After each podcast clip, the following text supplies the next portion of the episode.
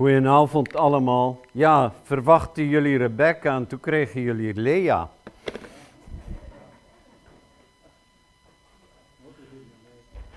Ja, nou dat is heel veel in een neem. Dat is heel belangrijk. Maar goed, uh, Marie die belde mij zaterdag op. En was het iemand anders, dan heb ik gezegd nee. Maar goed, uh, ook omdat uh, wij hadden zaterdag hadden wij een, uh, een dag speciaal georganiseerd door de VPE. Dat is de uh, Verenigde Pinkster en Evangeliegemeenten. En die hebben gevraagd of wij een speciale dag konden regelen een studiedag over de eindtijd. Want uh, door de voorgangers en de kerken en allerlei dingen worden er heel veel dingen verkondigd die niet echt overeenstemmen met het woord. En mensen waren er heel bezorgd over. Zo, wij hebben een speciale reader geschreven. En uh, met uh, drie verschillende theologen hebben wij dat voorbereid. Ik, ben nu, moest wat sneller weggaan en ik had het mee kunnen nemen, maar je kan het bestellen via de VPE-site ook, vpe.nl Bijbels Onderwijs. En, en dan gaat het met name om uh, wat, hoe moeten wij nou omgaan met de eindtijd? Uh, en kijken of dit lukt. Ja? Waarom wil God dat wij iets weten over de toekomst? Wat is nou eigenlijk de reden?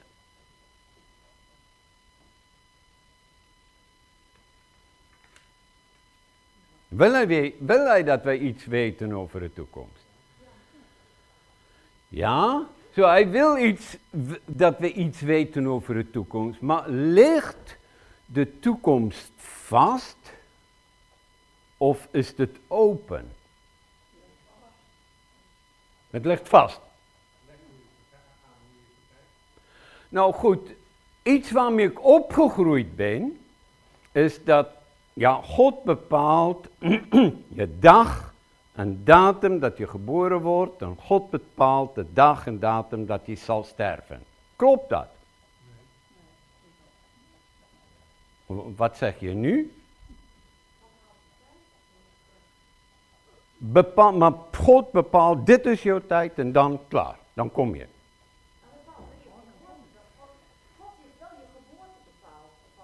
Ja, maar jouw einde? Je einde, ze zeggen wel van, uh, God is nog niet klaar met mij. Of ze zeggen, God is me thuis gehaald. Ja, dat zeggen wij wel, maar die tijd dat je doodgaat, is dat voorbepaald.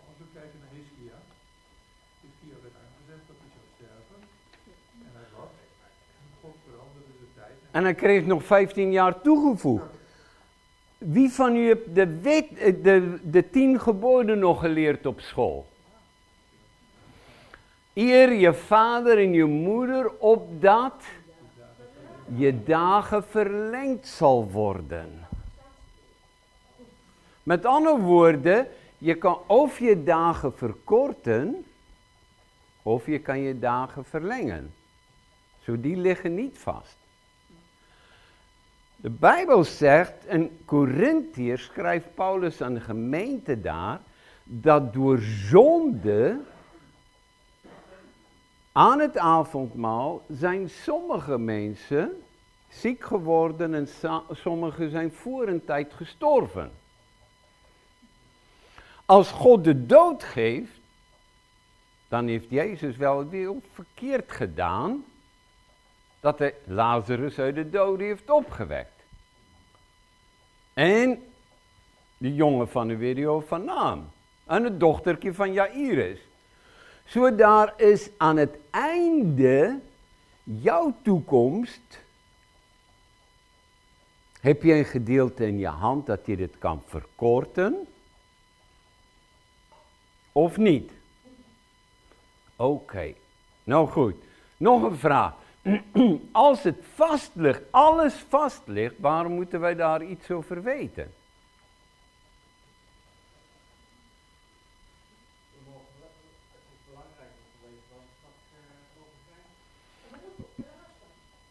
Ja, we moeten klaarstaan, maar als, als dit vast ligt, dan, nou ja, dan hoef je daar niet zorgen over te maken. Dan weet je, nou oké, ik ga naar de hemel, ik weet wie mijn verlosser is, ik geloof in Jezus Christus. Dan zie ik wel. Nou, ik stel dit, want dit zijn lastige vragen, maar we moeten erover nadenken, ja?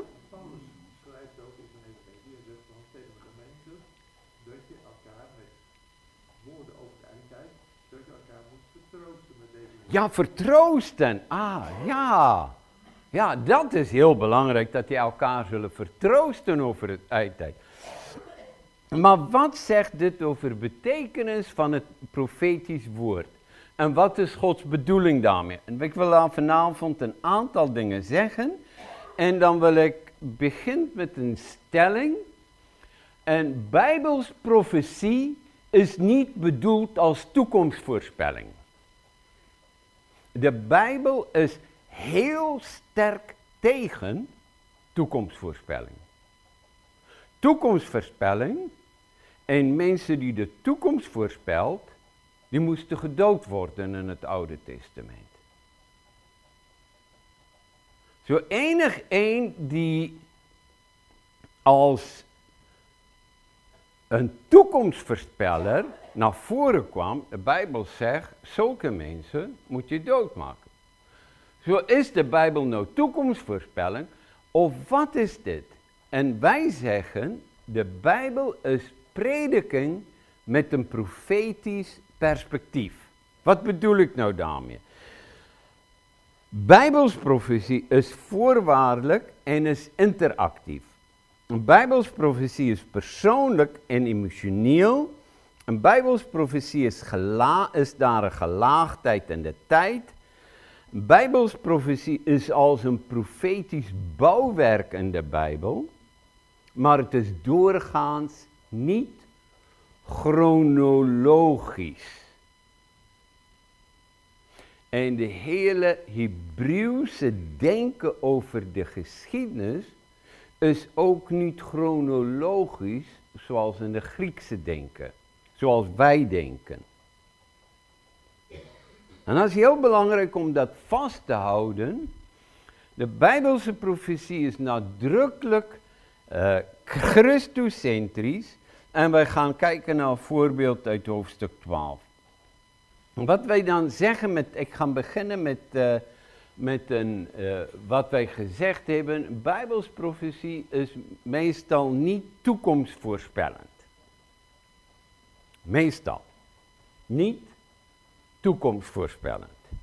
Wat bedoel ik daarmee? Bijbels profetie is prediking heb ik gezegd, met de profetische laag. En Bijbelsprofetie is een oproep vanuit de toekomst van God en het heden. Begrijpt u dat? Bijbelsprofetie is dat God zegt, dit gaat gebeuren in de toekomst en ik vraag nu reactie van jou.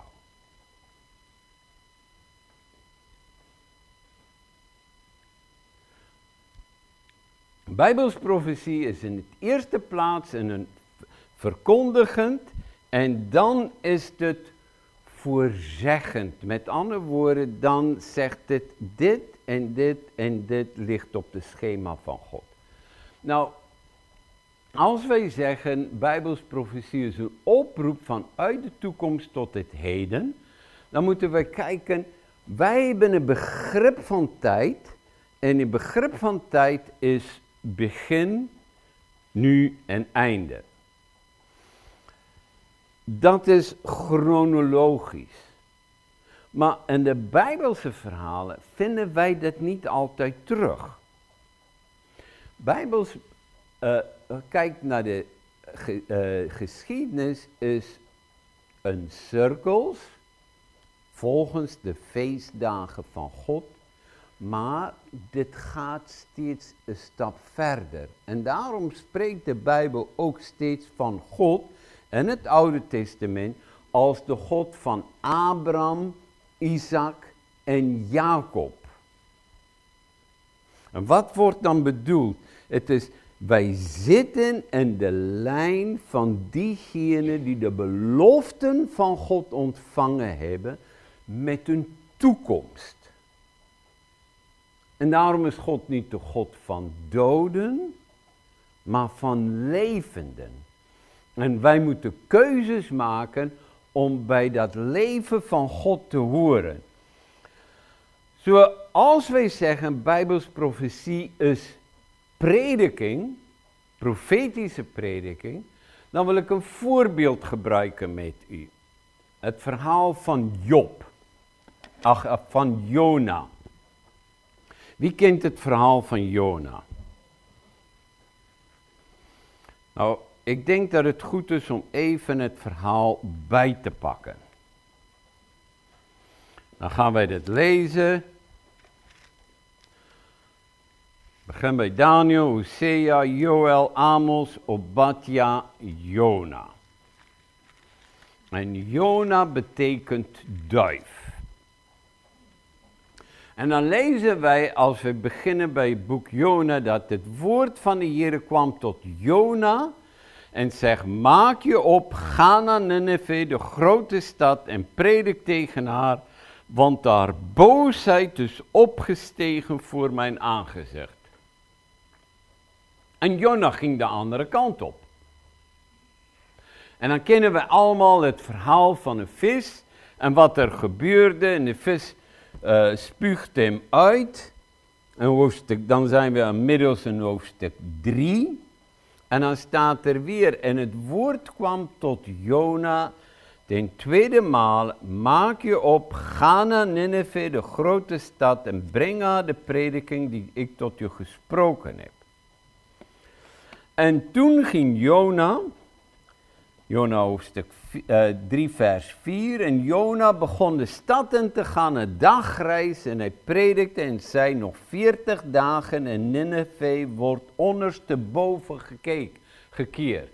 En wat gebeurde daar? En Jona begon de stad in te gaan, een dagreis, predikte en zei nog 40 dagen en Nineveh wordt ondersteboven gekeerd.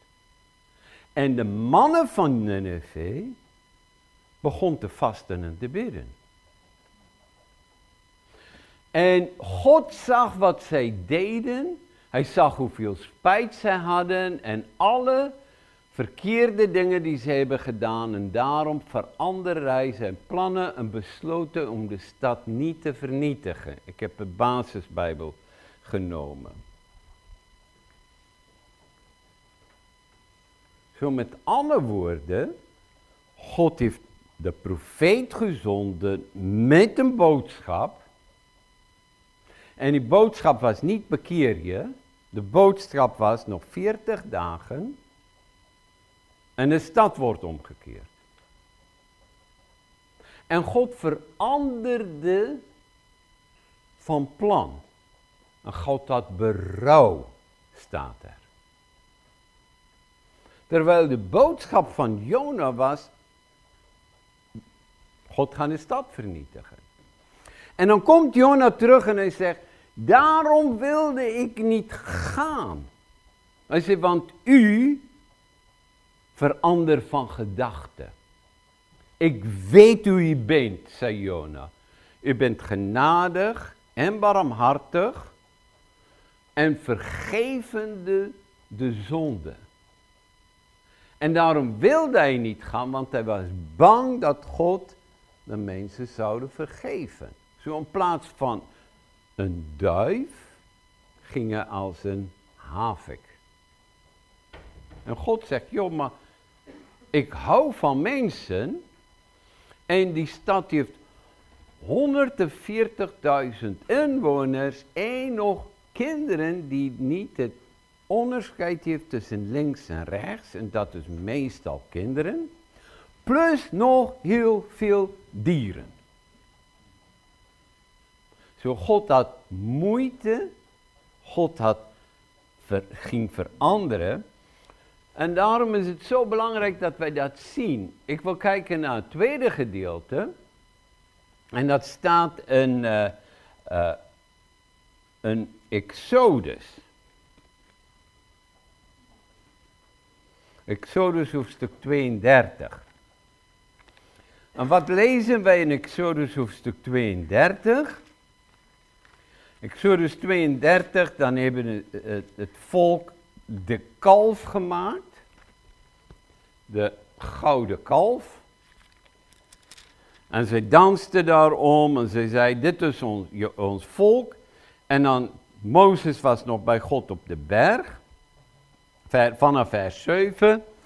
En uh, van Exodus 32. En de Heer sprak tot Mozes, ga daal af, want jouw volk dat jij uit Egypte hebt gevoerd, heeft het verdorven.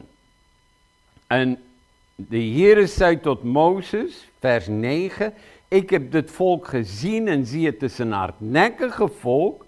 Nu dan, laat mij begaan, mijn toren tegen en ontbranden en ik kan vernietigen en ik zal jou tot een groot volk maken. En Mozes zocht de gunst van de Heer, zijn God. En hij zei, waarom zou je uw troon door tegen het volk gaan? En wat zullen de Egyptenaren zeggen? En dan staat er in vers 14, en de Heer kreeg berouw over het kwaad dat hij gezegd had zijn volk te zullen aandoen. En God veranderde van plan. Mag ik dat zo zeggen of mag ik dat niet zeggen? Zo in het Oude Testament zien wij dat mensen die optreden als profeet, hebben een invloed op God. Ook Mozes. Mozes wordt ook genoemd, een profeet. Want er zal iemand komen, een profeet zoals Mozes, en hij zal het volk leiden. En dat is een profetie dat slaat op Jezus. Goed. Wat deed Jezus? Jezus predikte het evangelie van het koninkrijk van God. Met andere woorden, evangelie betekent het goede nieuws van het koninkrijk van God. En zei, de tijd is vervuld. Hij zegt, nu is de tijd. Het koninkrijk van God is nabij je gekomen, bekeer je en geloof het evangelie. Tweemaal komt in, het, in die vers evangelie voor en tweemaal komt het koninkrijk van God voor in die thema. Zo het koninkrijk van God is niet iets wat aan het einde van de tijd komt, maar het koninkrijk van God is iets wat bij de vervulling van de tijd komt. En in de volheid van de tijd is Jezus geboren. Oh goed, waarom is het belangrijk? Is omdat heel veel mensen vullen in, en zo heb ik bijbelstudies jarenlang gehoord, het koninkrijk van God komt aan het einde. En Jezus zegt, als ik door de vinger van God demonen uitdrijf, is het koninkrijk van God over u gekomen. Hij zegt, waar twee of drie samenkomen in mijn naam, is het koninkrijk van God bij. Waar je de armen voedt en helpt, is het koninkrijk. Zo daar is meerdere lagen in. En ik geloof dat dat heel belangrijk is. Dan vraagt de discipelen, hier gaan u nu in deze tijd het koninkrijk van God oprichten. Want wat waarom vragen de discipelen het? Zij leven in moeilijke omstandigheden. Al heel lang regeren de Romeinen overheen. Al heel lang was de Romeinen, dat was een wereldrijk, niet zoals wij die kennen. Wij hebben vijf jaar hebben wij onder de Duitsers uh, moeite gehad met de oorlog. Maar zij zaten er al meer dan 300 jaar onder de Romeinen. Onder het koninkrijk van de Romeinen. En de profetieën zegt dat Jezus, de Messias, zal komen en het koninkrijk van God brengen. En dan vragen de discipelen, komt hij in deze tijd, moet je kijken in Handelingen hoofdstuk 2, komt hij in deze tijd het koninkrijk voor Israël oprichten. Komt hij in deze tijd het koningschap herstellen. En dan zegt Jezus, dat gaat jullie helemaal niet aan, want de tijden en gelegenheden ligt, weten mijn vader alleen.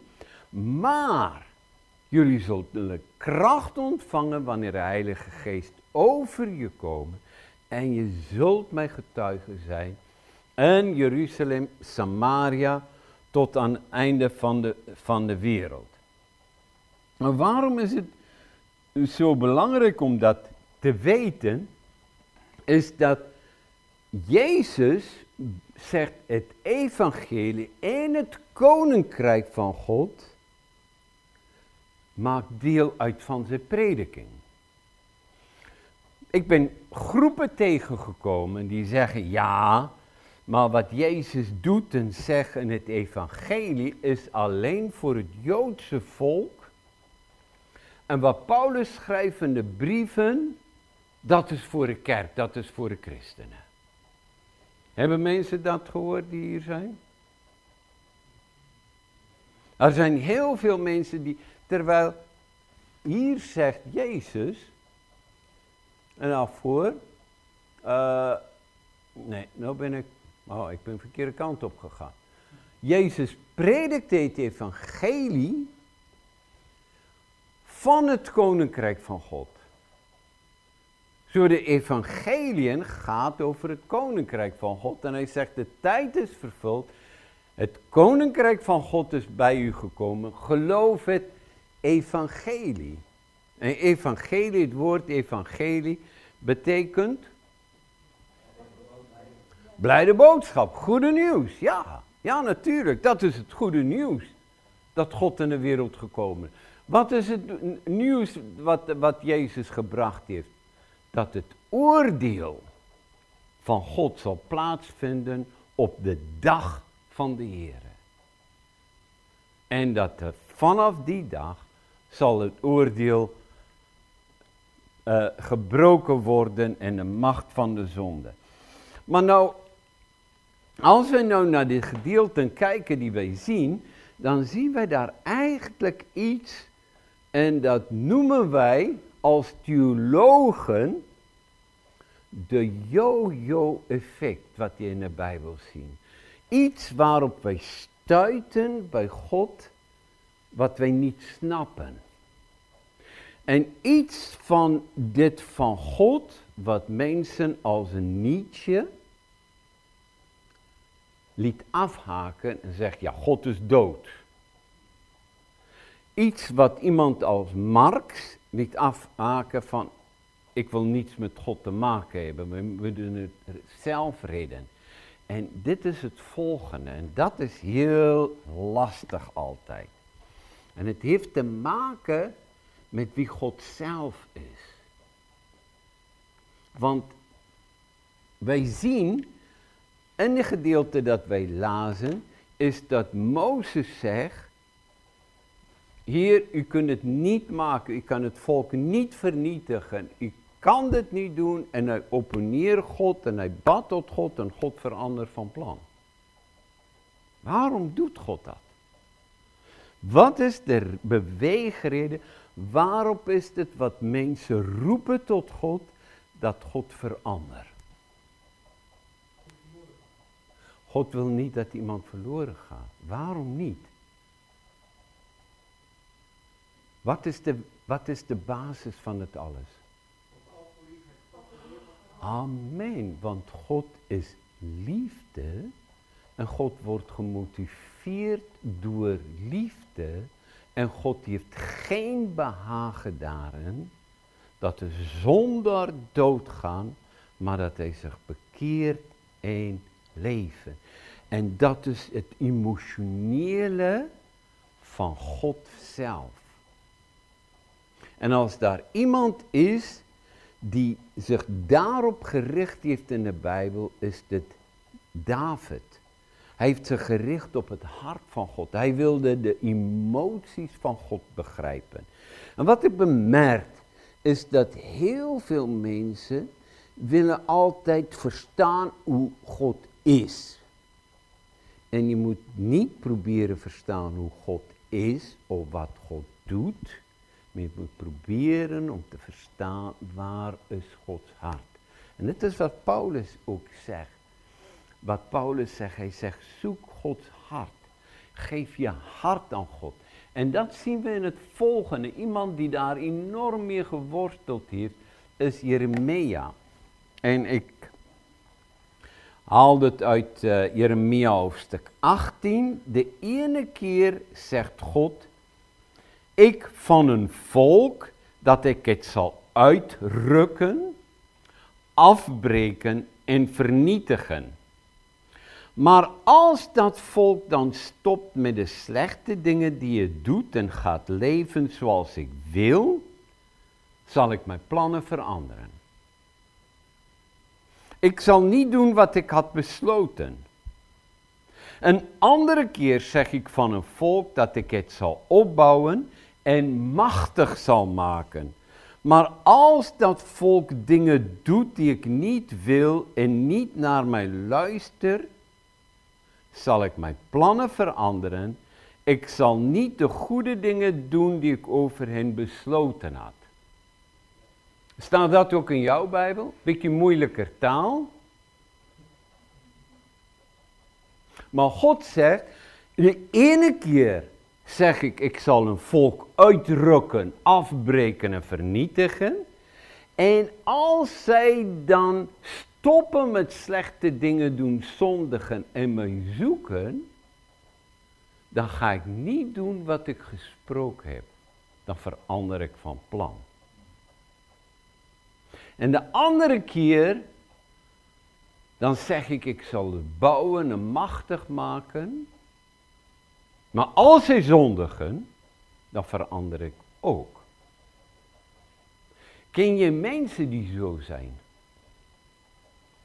Die ik één keer dit zegt en dan dat doen en de volgende keer dat doen en dit zegt.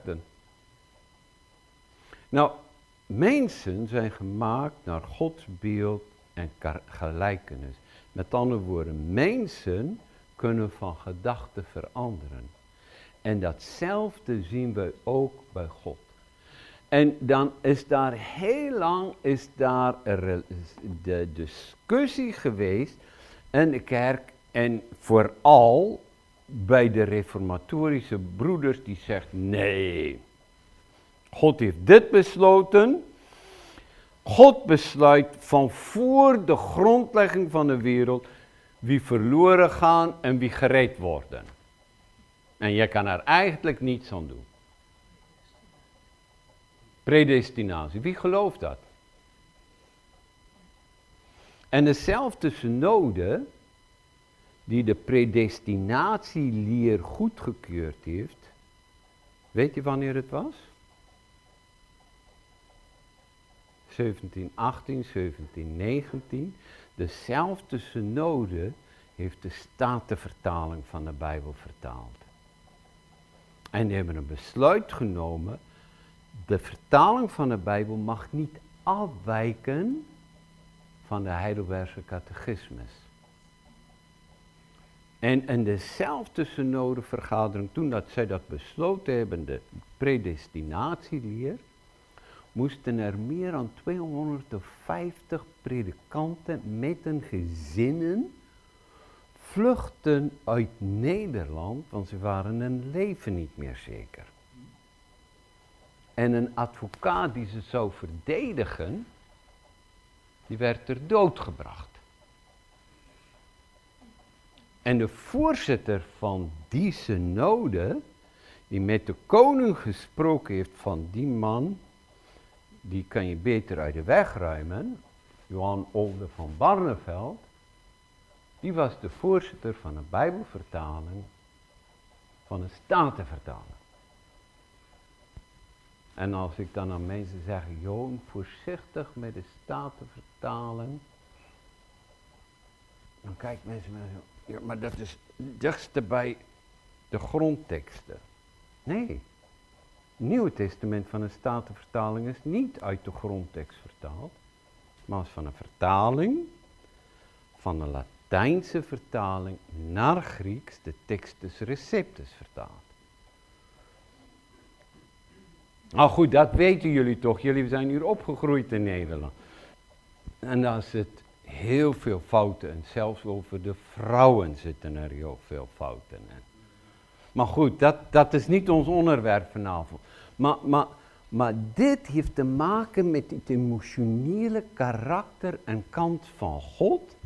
En dat is zoveel mogelijk in de Statenvertaling uh, met woorden eigenlijk, ja, je zou dit niet kan vertalen dat God van plan verandert. Want ja, van voor de grondlegging van de wereld ligt de raadsplan van God vast. En als je zo denkt over God, dan denk ik dat jij eigenlijk een verkeerde beeld hebt meegekregen. En dat is ook het belangrijke dat Jezus zegt, wie mij gezien heeft, heeft de Vader gezien. Dat is niet een verschil. En als je Jezus lief vindt en de Vader niet zo lief, maar hard, dan moet je dat een klein beetje veranderen, want dat heeft te maken met die oude vertaling. Maar goed, laten wij verder gaan. Wat is daar nog meer wat, wat in de Bijbel naar voren komt? En het is als gevolg hiervan, is de Bijbel is, een profetie, is interactief. Wat betekent dit? God betrekt de mens bij alles wat hij doet. Bijbel zegt, God doet geen ding op aarde als hij niet zijn wil bekendmaken aan zijn knechten de profeten. Klopt dat? Dat staat in Amos. Maar hier ook dat God zegt, ik zocht naar iemand onder de mensen die om een muur op te trekken, op de brees te staan en voor mijn aangezicht op de breeskant kon staan voor het land, zodat ik het niet te gronden hoef te richten, maar ik vond niemand. En dan komt mij die godsbeeld van, ja, God besluit om iets te doen en dan doet hij dit en het staat gewoon vast, komt hierdoor op losse schroeven te staan. Want als God toch een volk wil vernietigen, hij is God, hij mag zijn gang gaan. Maar hier zegt hij, ik zoek mensen die gaan bidden. En die eigenlijk mijn hart in de zaken zal zoeken.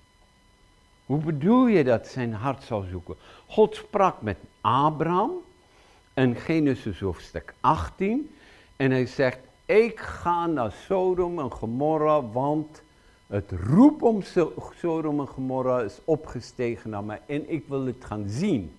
En wat denkt Abraham? Oh, dat moet hij niet doen. Want als hij daar komt, wat gaat dan gebeuren? Dan gaat hij boos worden. En dan zegt hij, als daar 50 mensen in de stad is die goed leven, zal hij dan een stad vernietigen? Dan zegt God, nee, nee, nee, dat zal ik niet doen. En dan, en dan denkt Abraham, oh nee, maar, maar als daar minder, als daar 30 mensen zijn, als daar 25 mensen, en hij brengt het af tot tien. Waarom doet Abraham dat? Omdat Abraham, hij wordt een vriend van God genoemd. Dan wordt hij begon te beseffen en te ontdekken hoe Gods karakter, hoe Gods persoonlijkheid is. Waarvan God houdt en waarvan God niet houdt. Ik heb er zondag nog even over gesproken. Mensen gevraagd, wat is Gods lief, lievelingskleur? Wat is Gods lievelingsmineraal? Wat is zijn, van welke mensen houdt hij het meest? weet je dat? Heb, heb je al nagedacht als we in dag in de hemel komen en hij zegt, oh joh, ik ga mijn lievelingstoetje voorzitten. Wat gaan wij dan eten? Want, want wat je heel veel van houdt, wil je ook altijd delen met anderen. Of niet? Heb je al ooit nagedacht van, van wat is dit wat God wil delen met ons? En Abraham begreep dat. En God zegt, ik zoek onder de mensen naar iemand die kan invoelen in uw brest kan staan voor het land. Met andere woorden, iemand die gaat staan en zegt, oh Heer, vergeef mij. Iemand die zal gaan staan zoals Mozes zegt, maar delg mij dan uit uw boek uit, maar doet het niet met uw volk. Iemand zoals uh, Paulus, die zegt, hier, als hij mij dan maar weg wil gooien en naar de voor eeuwige verloren laten gaan, maar laat uw volk tot reden komen. Waarom doet uh, Paulus dat? Omdat hij het gezien heeft, dat is de karakter van, van Abraham, dat is de karakter van het profetische. Dat is het karakter wat Jezus getoond heeft. Daarom bad Jezus, daarom bidt Jezus nog steeds voortdurend voor de troon van God. En ik geloof dat dit zo belangrijk is, dat wij dit moeten zien. Dat, dat God een andere keren, dan, dan zegt hij ook. Spreekt hij tegen Jeremia. En jij bidt niet voor dit volk. Heeft voor hen geen geroep of gebed aan. Uh, niet uh, bij mij aan, want ik zal niet naar je luisteren. En dan zegt hij weer, en jij bidt niet voor het volk, heeft voor hen geen geroep of gebed aan, want ik zal niet luisteren op het moment dat zij over een onheil tot mij roepen. Maar dan, ja, waarom zegt God dit nou? Als God die volk, dat volk wil vernietigen, dan mag hij dat toch doen, hij is God. Als hij besloten heeft, dit wil ik doen, dat kan ik doen, dan hoeft hij toch niet met ons rekening te houden. Dan hoeft hij toch niet aan, aan de profeet te zeggen, je moet niet bidden voor hen. Of als hij zegt, bid niet voor het volk, wat bedoelt hij daar eigenlijk mee?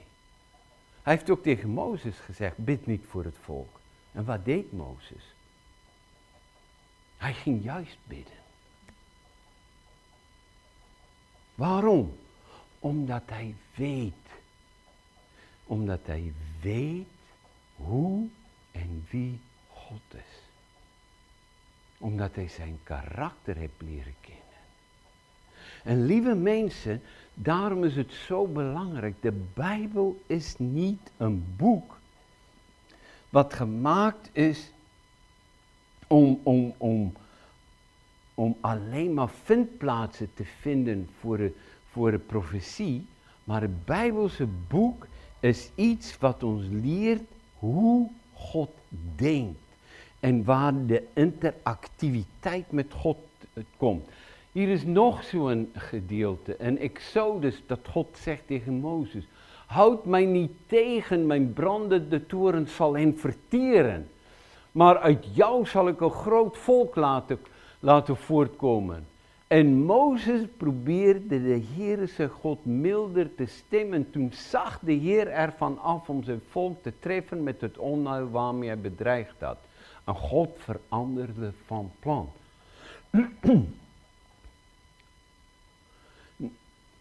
Dit is het, het verhaal in het Oude Testament. Wat ons leert over God. Op een andere plaats, dan krijgen wij dit, dit ook, dat God dit, dit, dit zegt. En dat is ook dat dubbele.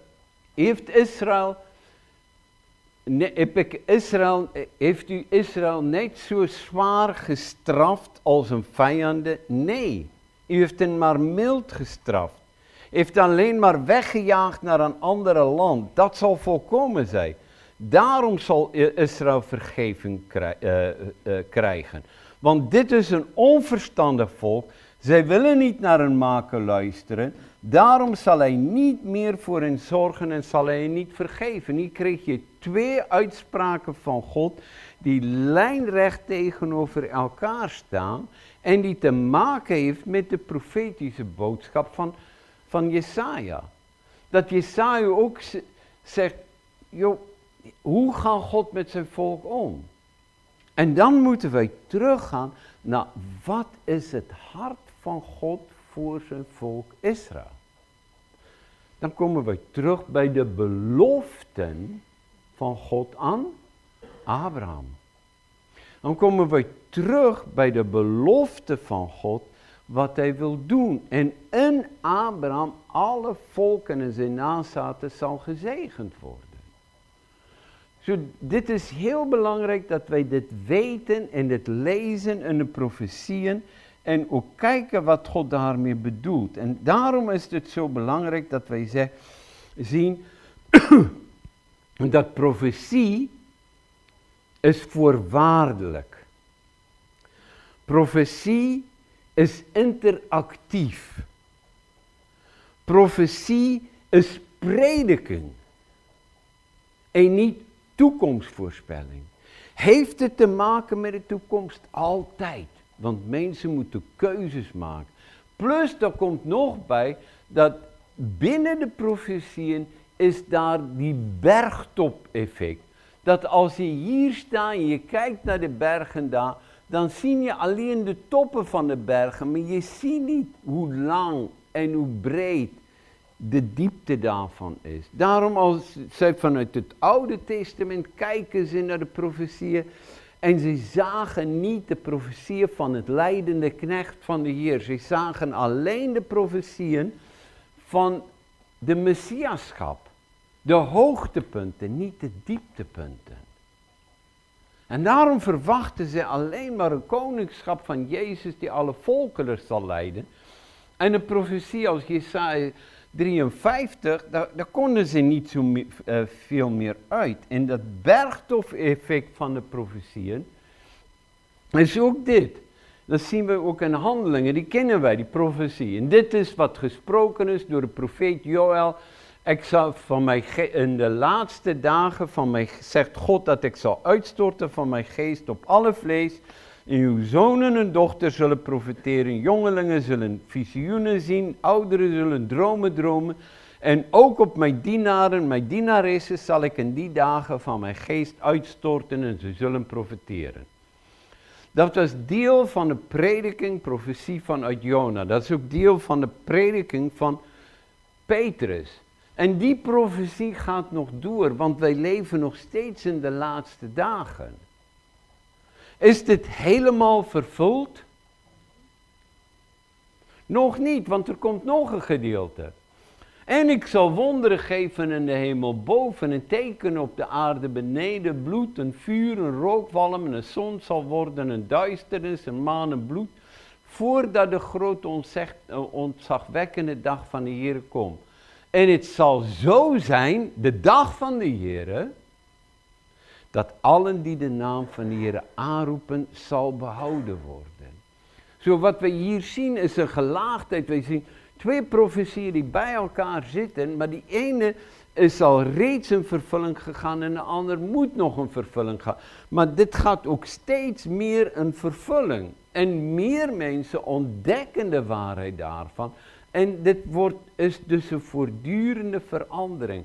En dat is dat wat wij zien in de Hebreeuwse kijk naar geschiedenis, is daar een cyclus. Dat komt terug. En dat komt terug in de wereldgeschiedenis. Oorlogen, zegt Jezus, hongersnoden, peestziekten, de ene volk tegen de ander en het zal elkaar opvolgen als weeën die over de aarde heen gaan. En het zal steeds herhaald worden en iedere keer zullen daar geestelijke machten opstaan als koninkrijken over de wereld die het geestelijke gaan verenigen en dan lijkt het alsof de volledige beest van een antichrist komen en dan verdwijnt het weer in de geschiedenis. Zo was het in de tijd van Jezus, zo was het in de tijd na de komst van Jezus, voor, toen Jeruzalem vernietigd was. Zo was het in de tijd van Hitler en zo kan het ook in onze tijd komen. En de Bijbel vraagt, als wij zeggen, is dit de tijd van het einde? Maar jullie hebben kracht gekregen om getuigenis te zijn onder alle volkeren. En dat die bergtop-effect in de Bijbel, die, die, krijgt dan, eh, die, die gaat dan iedere keer weer verder. En dan zie je dat de dag van de Heer, dat noemen wij profetische hyperlink eigenlijk. Voor ons is dit niet zo belangrijk, want, want ja, wij, uh, wij hebben een Bijbel en nu kunnen wij gewoon nalezen. Maar niet één van de christenen in de vroeg-christelijke kerk, die hadden een Bijbel zoals wij. En de Joden hadden ook niet beschikken allemaal om na te kijken. Zo, wat hebben zij gedaan? Zij hebben hele grote stukken uit hun hoofd geleerd. En omdat zij hele stukken uit hun hoofd geleerd hebben, hebben ze frases in hun hoofd dat als jij dit zegt, dan gaat het niet de kloppie branden en dan moeten ze terugdenken aan dezelfde gedeelte, een andere plek in de Bijbel, weer hetzelfde gedeelte en een andere plek in de Bijbel. En daarom zijn er ook in de Bijbel dezelfde gedeelten die herhaald worden en weer herhaald worden en weer herhaald worden. Het werkt zoals wij met de computer kan omgaan, dan druk je op een knopje en een bijbelprogramma, dan kun je zien, oh die woord komt daarvoor, die woord komt daarvoor, het kan daarvoor terugkomen en daarvoor terugkomen. En dan kan je springen naar verschillende dingen. Maar dan heeft het er ook nog, die hyperlinks, is zoiets zoals de gedag van de Heren, de dag des Heren. Wat is nou die dag des Heren?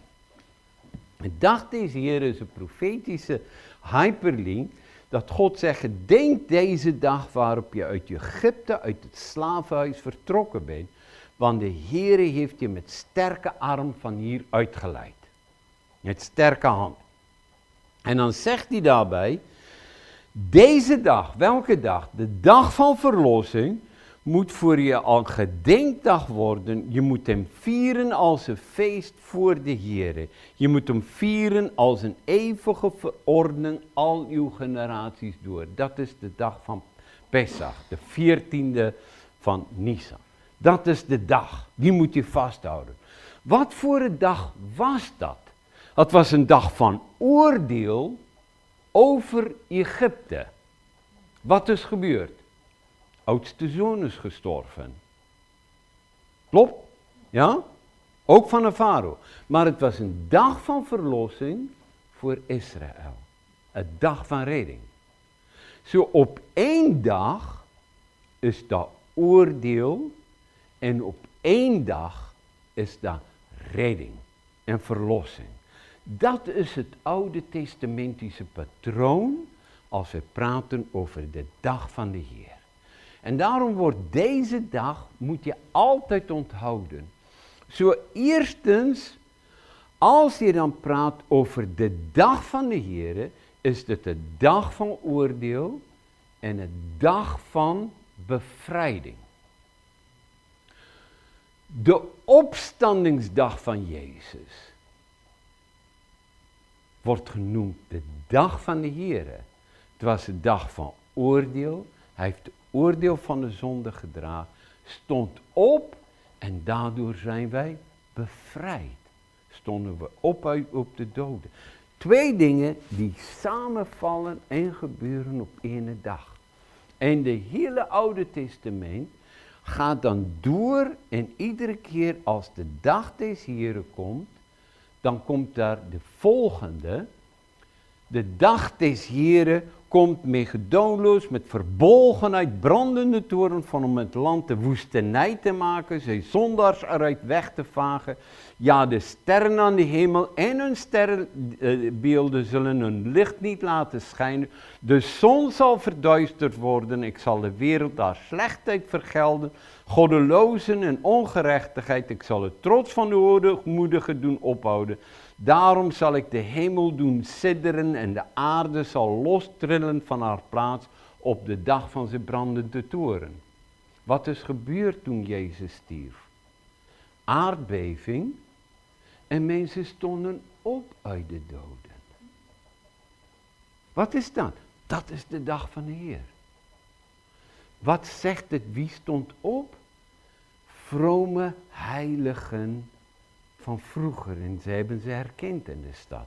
Zo de dag van de Heer gebeurt er altijd in de Bijbel twee dingen tegelijk.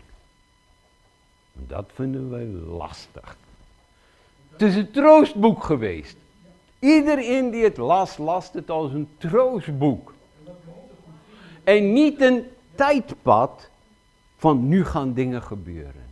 En dat is het gevaar daarmee. Maar goed, laten wij verder kijken. Zie, de dag van de Heer komt met dogelen, verbolgenheid, brandend over Babel. Is de tijd nabij. Die dag uh, gaan die hemelsferen en vlammen op en elementen vatten vlammen smelten weg. Maar wij zien uit naar een nieuwe hemel en een nieuwe aarde. En daar vat Petrus die twee samen. Wanneer wij lezen over de dag van oordeel, van de dag des Heren, is het altijd over de Babylonische systeem. Over de Babylonische uh, uh, koninkrijk. Is daar een Babylonisch koninkrijk in onze tijd? Ja. Iedere keer bouwden mensen het op en alles wordt verbonden en proberen zij het op te bouwen. En Gods oordeel komt erover. En oordeel en verlossing komt plaats op één dag. Dan zie je ook die afdalen. Die Heer zei, ik heb gezien hoe ellendig mijn volk daar in Egypte aan toe is. Ik weet hoe zij lijden, daarom ben ik afgedaald, zegt de Heer om hem uit de macht van de, van de Egyptenaren te bevrijden en om hen naar een mooi en uitgestrekte land te brengen, een land dat overvloeit van melk en honing. En God zegt, daarom stuur ik jou, Mozes. Zo, dat is nog een element wat bijkomt vanuit het Oude Testament als mensen tot God bidden. En God komt en hij grijpt in. Wat doet hij? Hoe verlost hij zijn volk? Hij stuurt altijd een mens. Een verlosser. Zo drie elementen komen samen. Dag deze Heer is ook een dag dat God neerdaalt en dat hij iemand stuurt om bevrijding te brengen. En in de tijd van Mozes was dat hij. En dan zegt Jezus hetzelfde. Hij zegt, waarachtig, ik verzeker je, niet Mozes heeft het brood uit de hemel gegeven, maar mijn vader geeft altijd het ware brood uit de hemel. Het brood dat neerdaalt. En dan komt er zo'n Bijbels hyperlink. God daalde neer om de toren van de... Die toren. Ah, die, die toren van Babel te bezien. God daalde neer om Sodom en Gomorra te zien. En God daalde neer. En dan gebruikt het weer. Jezus daalde God neer om te komen. Zo, als we kijken naar die hyperlinks, dan zien we eigenlijk dit. Dus heel, dan kunnen wij naar het Oude Testament gaan. Dan komt de tekst. Oh, en wij zien het daar. Maar we zien het ook daar en we zien het daar en we zien het daar. Oh, daar. En dan, dan werkt die hyperlink zo. Maar het gevaar daarin is dat iemand gaat zeggen, ja maar dit is dat en dat is dat. En dit was dat en dat is dat. En alleen dat. En dan komen wij op een gevaarlijke punt. En dit is eigenlijk wat wij ook die dag uh, meeste dingen zeggen, nou oké, wat moeten wij geloven over de wederkomst? Over de wederkomst weten wij een aantal dingen heel zeker. Jezus zal terugkomen, zichtbaar op de wolken. Elke oog zal hem zien en er zal bazuingeklank, luide bazuingeklank zijn. Komt hij nou voor de verdrukking, in de verdrukking of na de verdrukking? Ik... Uh, ik kom heel vaak, kwam ik in Afghanistan, kwam in Myanmar, We maken nu weer plannen om naar Myanmar te gaan. Weer een staatsgreep. Ik kom in Laos en Cambodja. Cambodja is daar op 8 miljoen inwoners van het land. Bijna 3,5 miljoen doodgemaakt in de 70er jaren. Zo enig een die ik sprak in de kerk, heeft het meegemaakt. Weet je wat zij? Zei? Ze zei dat over voor de verdrukking of na de verdrukking. Dat snap ik niet. Dat is zeker een westerse theologie. Wij hebben de antichrist meegemaakt, zeiden zij. Pol Pot. Er zijn zoveel mensen dood gegaan. Heeft God ons dan niet geholpen? Of, nee, zeggen ze, God was bij ons, heeft ons geholpen. Maar ze zijn niet ontsnapt aan de grote verdrukking in Cambodja. De christenen in Noord-Korea, met wie ik spreek, die zeggen, waarom zijn jullie westerlingen zo bang voor vervolging en moeite en pijn?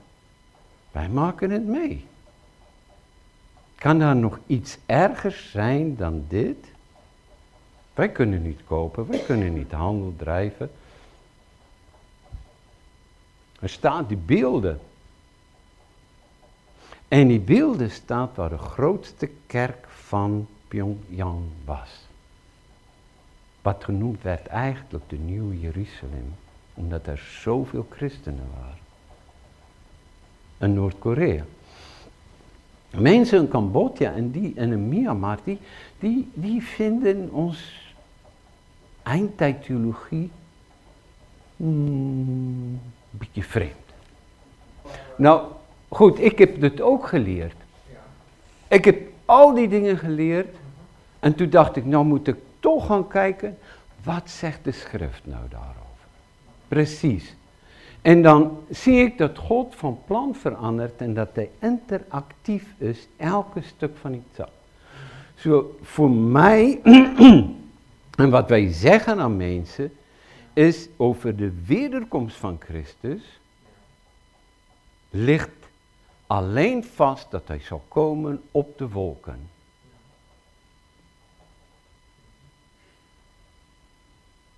En dan komt er een nieuwe hemel en een nieuwe aarde. Zo, Bijbels profetie is prediking die voorwaardelijk is en interactief. Wij hebben een veel grotere rol als mensen om de komst van Christus sneller te laten komen of later te laten komen. Net zoals het volk heeft God gezegd, ik geef jullie een land. En in plaats dat het 70 dagen geduurd heeft, heeft het 40 jaar later geworden. Waarom? Vanwege het ongeloof van wie? De heidenen? Nee, van Gods volk. Die God wilde gebruiken als een getuigenis in de wereld, dat alle volken van de wereld zou kijken, wauw, wat een geweldige God hebben jullie, wij willen jullie God navolgen. Zo dat was het doel van Gods volk. En daarna kwam de kerk. En God heeft gezegd, ga dan heen, maak discipelen van alle volkeren. Dan zal het einde komen. En nog steeds in een volkeren, volkerengroepen, die nog niet bereikt zijn in onze wereld, die nog niet de Bijbel in hun eigen taal hebben. En, en, en dat dat trek ik mij heel erg aan. Kan dit niet omgekeerd worden? Is dit wat God wil, dat de kerken leeglopen? Maar als ik de Bijbel lees, dan zeg, zie ik dat God zegt, ik zoek iemand die op het brees gaat staan. Even, even wat die, wat, ja? Ik, ik lees niet in de schrift van een andere komst. Maar, maar goed, dat is, dat is, mag ik hier even, even verder gaan? Want, want ik lees dit niet. Ik, ik heb het nog nooit daar gevonden. Vroeger geloofde ik, ja, dan gebeurt het. En, en 1 Thessalonicense, maar in 1 Thessalonicense zegt, Jezus zal zichtbaar komen op de wolken, bezuin gestal, net zoals de andere plaatsen. Zo, daarom zeg ik, profetisch, bijbels profetie is prediking en is altijd voorwaardelijk en het vraagt van ons een reactie. Dat vraagt van de kerk een reactie. Is persoonlijk. Dit heeft te maken met Gods hart, met zijn emoties. En dat wij moeten zoeken, wat zou God in deze situatie willen? Bijbelse profetie heeft te maken met bergtoppen. En er komt een herhalende factor en je ziet een aantal bijbellinks. Als we kijken naar, naar hoe de Bijbel geschreven is, en dat is ook een openbaring zo, dan zien wij dat er een, een vaste structuur is. En die Bijbelse structuur is een vorm van chiasme. Dat vind je heel veel verschillende plekken. Dat even uitleggen, dit begint met de gedachte en dan krijg je ene wat daarbij komt en het allerbelangrijkste gedeelte zit er dan binnenin. En dan krijg je weer een gedachte, weer een gedachte, weer een gedachte. En dit noemen wij een cirkelredenatie. Je begint bij dezelfde. Hij bekleemt toen iets en dan komt hij weer terug en dan loopt hij zo'n uh, spoor om. Als je kijkt, daar, je vindt in het Nieuwe Testament een eenvoudig ene. Uh, wat Jezus zegt, daar zijn meerdere in de woorden van Jezus. Jezus zegt, geef het heilige niet aan de honden en werp uw palen niet voor de zwijnen, omdat zij de niet vertrappen met hun poten en zich omkeren en verscheuren. Als we op het Nederlandse manier de Bijbel lezen, dan zien we dat omkeren en verscheuren, dan denken wij aan de, uh, aan, aan de varkens, die zwijnen, opdat zij niet vertrappen met hun poten één, de zwijnen omkeren en verscheuren. Maar je leest nooit in een krant van mensen die verscheurd worden door zwijnen, maar wel door honden gebeten worden.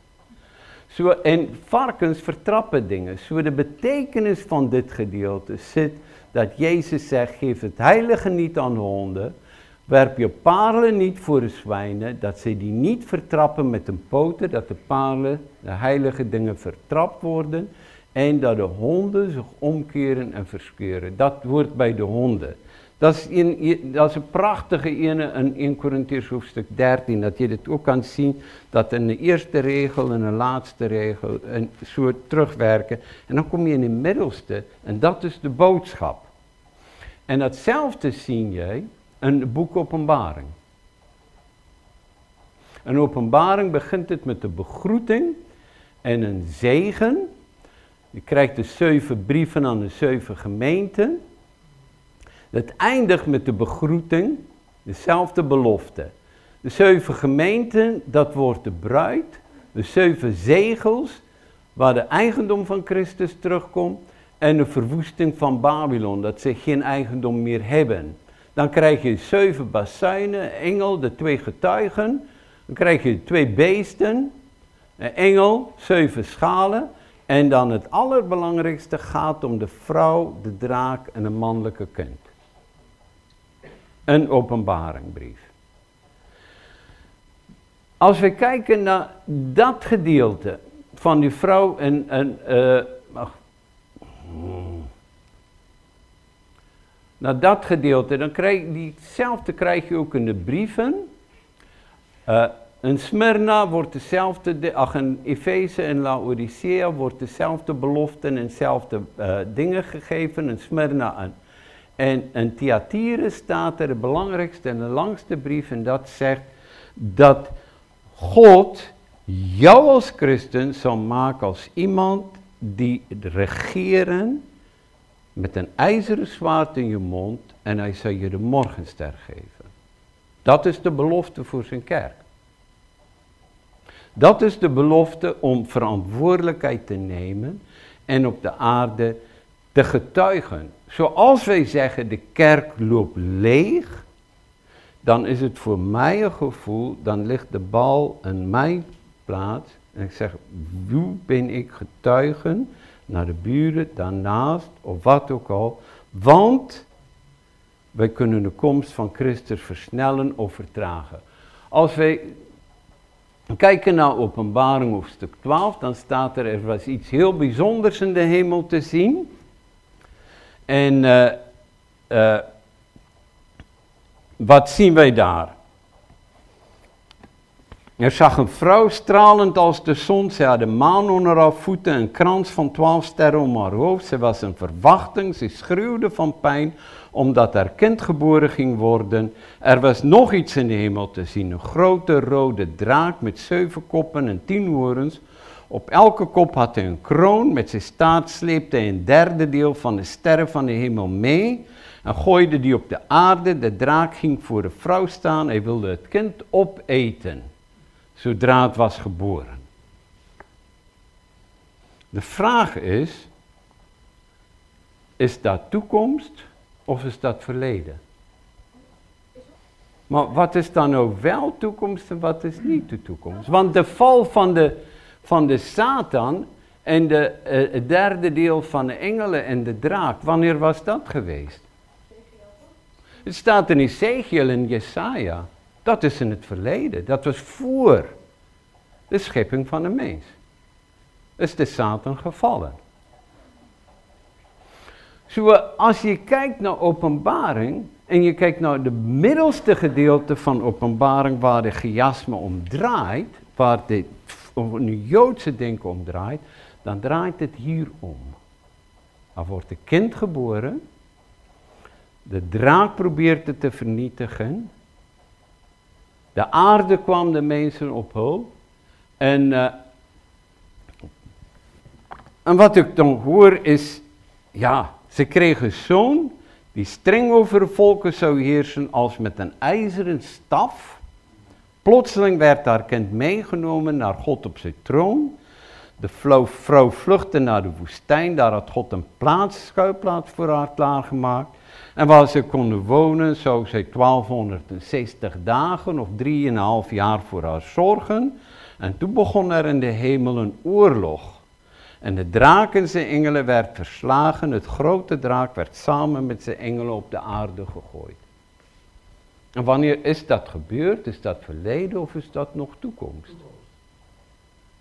Ik heb zaterdag heb ik les gegeven over Daniel, boek Daniel. Fijn dat u het noemt. Het boek Daniel. Wat weten wij van het boek Daniel? Oké, dat zijn de verhalen, maar, maar het boek Daniel, als, als binnen de Joodse Bijbel, waar wordt het boek geplaatst? Bij de, profetisch, bij de profeten. Dat zo staat hij bij ons in de Bijbel. Boek Daniel. Boek Daniel was bijna niet in de kanon gekomen. Waarom? Boek Daniel wordt door de Joodse Bijbel, staat er niet bij de profetische boeken. Maar hij staat bij de geschriften. Bij apocalyptische geschriften. En als mensen het woord apocalyps horen, dan denken heel veel mensen verwoesting. Maar apocalyps betekent het openschuiven van de gordijnen. En zoals je gordijnen, mm, ik zie niet een, een langzaam openschuift, dat betekent apocalyps. Maar als je het woord apocalyps opzoekt op internet, dan krijg je beelden van verwoesting, dood, alles. De, aarde verpletterd. Ze praten ook van apocalyptische gebeuren. En, dan, en dat is niet wat, wat het woord betekent. Het woord betekent gewoon openschuiven van de coulissen, openschuiven van de gordijnen, dat hij beter kan zien.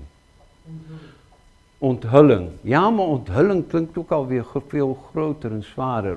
Als je gordijnen openschuift, dan gaat het langzaam open en je ziet steeds meer en steeds meer en steeds meer en steeds meer. Ja, maar dat is ook als je gordijnen open doet, dan zie je steeds meer van wat buiten ook is. Maar nou, wat heel belangrijk is, is het boek Daniel is in welke taal geschreven? Het boek Daniel is de grootste gedeelte van het boek, is in Aramees geschreven. Waarom? Aramees was de wereldtaal van toen. Zo, God heeft het boek Daniel bedoeld voor de mensen die Aramees sprak. Ja toch? God zal niet een boek schrijven als mensen het niet kan begrijpen of verstaan. Of wel? Zo, wat heeft Daniel dan betekend in de tijd van Daniel? En dat is juist het bijzondere. Mag ik dan even ik, uh, dit, dit, dit met die nagaan. Normaal als mensen denken aan, aan Daniel, dan, uh, dan hebben ze dit beeld. Dit.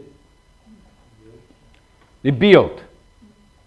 En iedereen wil weten wat dat beeld betekent. Maar dat weten we wij. Omdat de uitleg ook in de Bijbel staat.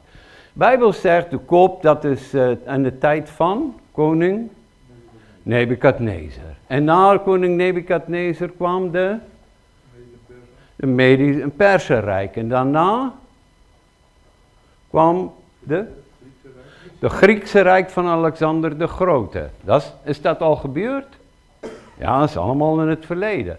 En daarna brak de Griekse Rijk van de, en de twee benen, de twee zonen van Alexander de Grote. En toen kreeg je de Romeinse Rijk en het van acht koningen waren er al en tien was er al en er komt. Zo dat is allemaal bekend. Dat is hier. Maar de meeste studies gaat over dit beeld. Terwijl als ik dit boek Daniel lees, dan zegt het, daar komt een steen zonder toedoen van een menshand en het brak los en het verbruiselde en griezelstukjes, alles van die beelden. En het wordt een steen zo groot, een koninkrijk, waar er geen einde aan komt. En als je nou kijkt naar die boek Daniel en het Aramees, dan is het de droom over vier koninkrijken en dan komt er een vijfde die dat verplaatst. Daniel en zijn drie vrienden, die, uh, de drie vrienden van Daniel, die landen in een vurige oven. Dan komt Daniel en die legt de droom uit voor koning Nebukadnezar. En de gevolg daarvan is dat de grootste en de belangrijkste koning, de grootste rijk die daar was, voor honderden jaren, die komt tot de erkenning dat er alleen maar de God van Daniel de Allerhoogste is en hij beheerst de wereldgeschiedenis. Dan komt de Mede en Persen en die erkennen ook dat de Allerhoogste God is diegene die de adem in de mens geeft. En die koning die worden geholpen door Daniel om uitleg te geven van een handskrif op de muur voor koning Belshazzar. En daarna landt Daniel in een leeuwenkuil, net zoals zijn vrienden in een vurige oven. En God reed hem boven natuurlijk.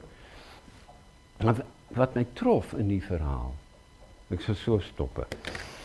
Wat mij zo trof in die verhaal, Daniel is in een, een, een leeuwenkuil en de koning komt de volgende morgen en zegt, oh Daniel, Daniel, Daniel. En hij zegt, hier ben ik. En toen dacht ik, ja, maar dat was een hele complot tegen Daniel. Tegen al. Allen die de God van Daniel aanbidden, die moest doodgemaakt worden als hij op een andere tijd zou aanbidden, toch?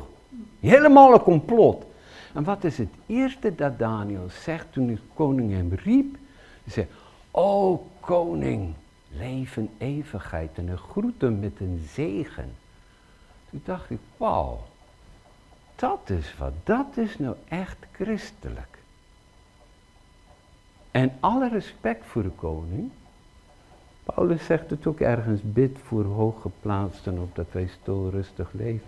Terwijl ik hoorde heel veel christenen over complot en vloeken naar de regering en vloeken naar de overheid en niet vertrouwen. En ik geloof niet één van ons heeft zo'n koninkrijk ooit meegemaakt als hier. En hij, groot respect, hij zorgt ook dat alle occulte mensen van toen niet gedood worden, maar een leven blijven. En de boodschap van dat gedeelte is aan allen die Aramees kon lezen, er is maar één God en dit is de Allerhoogste. En hoe leef jij als je meegevoerd zou worden, alles kwijtraakt en een heidense stad tussen occulte mensen en je kan floreren omdat je de God van Abraham, Isaac en Jacob kent. En dat zo'n koning eigenlijk gaan zeggen, maar jouw God is de ware God. En dat zie ik in de Armeese gedeelte, de hoofdboodschap van Daniel. En dat alles gericht is op die steen, die zo groot wordt, die wereldwijd invloed zal hebben en alle koninkrijken verbrijzelen. Dat is de focus van Daniel. Lieve mensen, ik ga erbij stoppen, maar ik wil dat je weggaat met, oké, wat is apocalyptische profetie? Uh, apocalyptisch is God is doelbewust, hij weet wat hij wil. Wij mogen doelbewust zijn, weten wat hij wil. En God vraagt van ons om mee te werken in alle opzichten. En zoals in het Oude Testament alle profetie voorwaardelijk is, een God van gedachten kan veranderen. Als wij bidden, geldt het ook voor de toekomst. En ik ga niet als ik ga zeggen, lieve mensen, ik weet precies hoe dit zit, zoveel jaren dit en dat en dat en dat. Dan ga ik buiten mijn bevoegdheid als bijbelleraar, dan weer verkracht ik de openbaringsgeschiedenis van de Bijbel. En de Bijbel zegt dat God van gedachten verandert voor diegenen die hem ernstig zoeken. De ogen van God gaat over de gehele wereld om krachtig bij te staan, wiens hart volkomen naar hem uitgaan. En dat zie je in Daniels geschiedenis, dat de heidense koning tot erkentenis van de waarheid komt, twee heidense koningen zich bekeren en de kans krijgen om te bekeren. En er was geen groter antichristelijke macht dan in die tijd. Er komt nog meer. Maar ben je bereid om in alle omstandigheden de emoties en de wil van God te zoeken, omdat Jezus zoveel van ons had, om zoveel van anderen te houden als wat Hij van jou houdt. Vader, we komen bij u in de naam van Jezus. En over de toekomst weten wij, de toekomst ligt in uw hand. En wij mogen met die meedoen. U roept ons op om niet achterover te gaan zitten en te kijken wat er gaat gebeuren. Maar u roept ons op om verantwoordelijkheid te nemen om met de kracht van de Heilige Geest overal en alle omstandigheden te getuigen en Jezus Christus aan mensen voor te houden als de redder van de wereld. Als diegene die over de volkeren zal heersen met een ijzeren zwaard. Maar wiens hart uitgaan en het de dag van oordeel zal worden voor velen een dag van redding omdat aan het kruis van Golgotha heeft hij alle oordeel ook voor ons gedragen en onze boodschap gegeven. En die boodschap moeten we uitbrengen. En niet blijven zitten en aanvaarden dat het maar zo gaat in de wereld. Want u wilt altijd verandering en u roept ons op om personen en mensen te zijn die verandering in werk stellen. En wij bidden u dat dat zal gebeuren. Amen.